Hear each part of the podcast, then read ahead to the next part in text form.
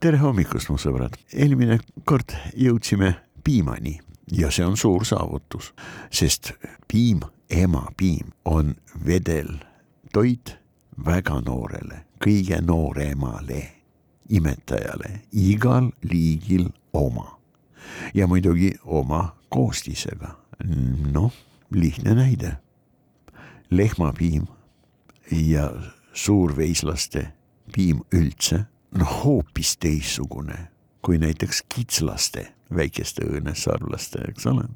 piim, antikehade hulk piimas, lehmapiimas, pühvlipiimas, piisonipiimas, aga eelkõige kodulehmapiimast, kui me räägime, eks ole, on üüratult mitme järgu võrra suurem kui näiteks kitslaste piimas. lihtne näide, mis illustreerib seda väidet. kitsepiimaga on töötlemata, pastöriseerimata kitsepiimaga on palju tõenäolisem saada näiteks puukentsefaliiti või borrelioosi kui lehmapiimaga, pastöriseerimata, töötlemata lehmapiimaga. võimalik on ka viimane olukord, kuid see on no mitu-mitu korda vähem tõenäoline.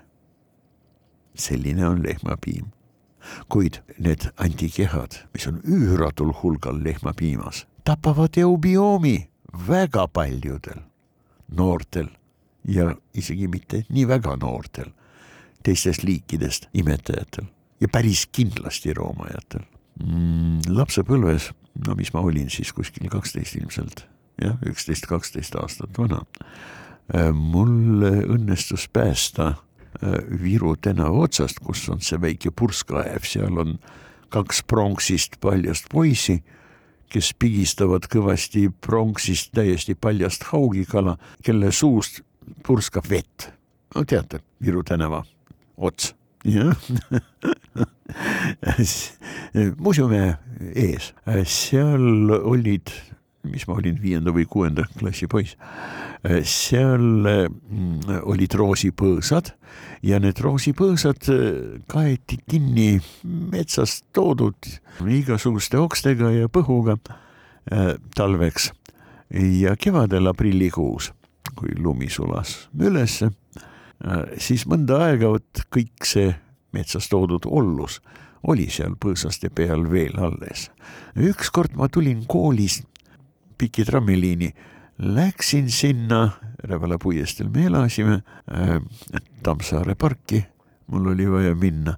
okei okay., ja siis ma nägin, et vot selle purskkaevu äh, ümber on suur rahvamass ja kõik vehivad, kes portfelliga, kes vihmavarjuga. ma siis läksin sinna ja niiviisi tagasihoidlikult need olid täiskasvanud inimesed, ei pannud mind tähele. nii et ma hiilisin kuidagimoodi äh, sellest rahvamassist läbi ja ma nägin, et seal on nastik, õudselt kohkunud õnnetu loom, kes äh, viskus sinna-tänna, püüdis põgeneda ja inimesed torkasid teda vihmavarjudega ja, ja, ja keegi üritas lüüa portfelliga, millel olid metallist nurgad ja loom on absoluutselt surmhädas. vaata, siis sa ei mõtle selle peale, et oi, ma olen kõigest väike poiss ja need on täiskasvanud inimesed, kuidas ma hakkan nendele vastu. ma lihtsalt hüppasin sinna, haarasin äh, sellest maost kinni, võtsin madu, pistsin ta põuesse, põue ja ütlesin, et äh, olge mureta, ma hoolitsen tema eest. ja kuidagi rahvas kadus. ma hakkasin kohe liikuma, võib-olla rahvas noh, läks minust eemale ma ei tea, ma ei mäleta. ma lihtsalt mäletan seda pilti ja seda, kuidas see loom minu juures elas. ja elas päris kenasti. Tallinna Pedagoogilise Instituudi vivaariumist ma sain suurepärase loodusteadlase Villem Voore, kes töötas seal ja oli minu ema kolleeg ja, ja minu hea sõber mees kes nakatas mind nii-öelda vastupandumatu ja elupõlise suure huviga parasiitide vastu. tema seletas mulle, kes on parasiidid. kui ma ükskord küsisin tema käest, et kes on need väiksed valged sentimeetri pikkused või isegi väiksemad, aga täiesti selgelt nähtavad mehikesed. valged, mis ripuvad suulaes kohakalal. Ja siis ta vastas mulle, et see on Ahteres Sandre, parasiitne äärjalaline vähk. ja vot sellest ajast peale ma olen parasitoloog Villem Voore aitäh talle ja andku talle hingamist. vot tema andis mulle hiirepoegi selle nastiku toitmiseks ja kõik oli korras seni, kuni ma sõitsin äh, vanaema vanaisa juurde koolivaheajal. Äh, sõitsin äh, kuskil paariks nädalaks kui ma tulin tagasi, vot siis minu nastik oli suremas, sest minu kallis tore tädi Helene, kes mind praktiliselt kasvatas, elas meie juures väga kõrges eas, väga tore proua. tema, noh, kunagine maatüdruk, tema oli absoluutselt veendunud, et maod tahavad piima.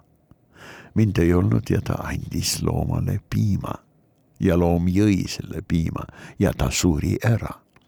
ma lahkasin ta muidugi ja vaatasin, mis tal maos ja sooltes on ja seal oli roheline mäda.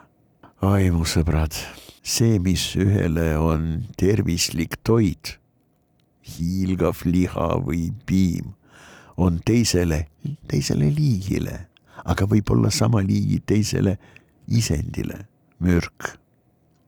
see on tõepoolest nii. sa pead olema väga ettevaatlik ja silmad lahti hoidma ja tutvuma kõikide asjaoludega sa ei tohi olla hooletu toitumise asjadest. mitte mingil juhul ei tohi seda olla, eriti kui tegemist on teiste liikidega või oma liigi lastega.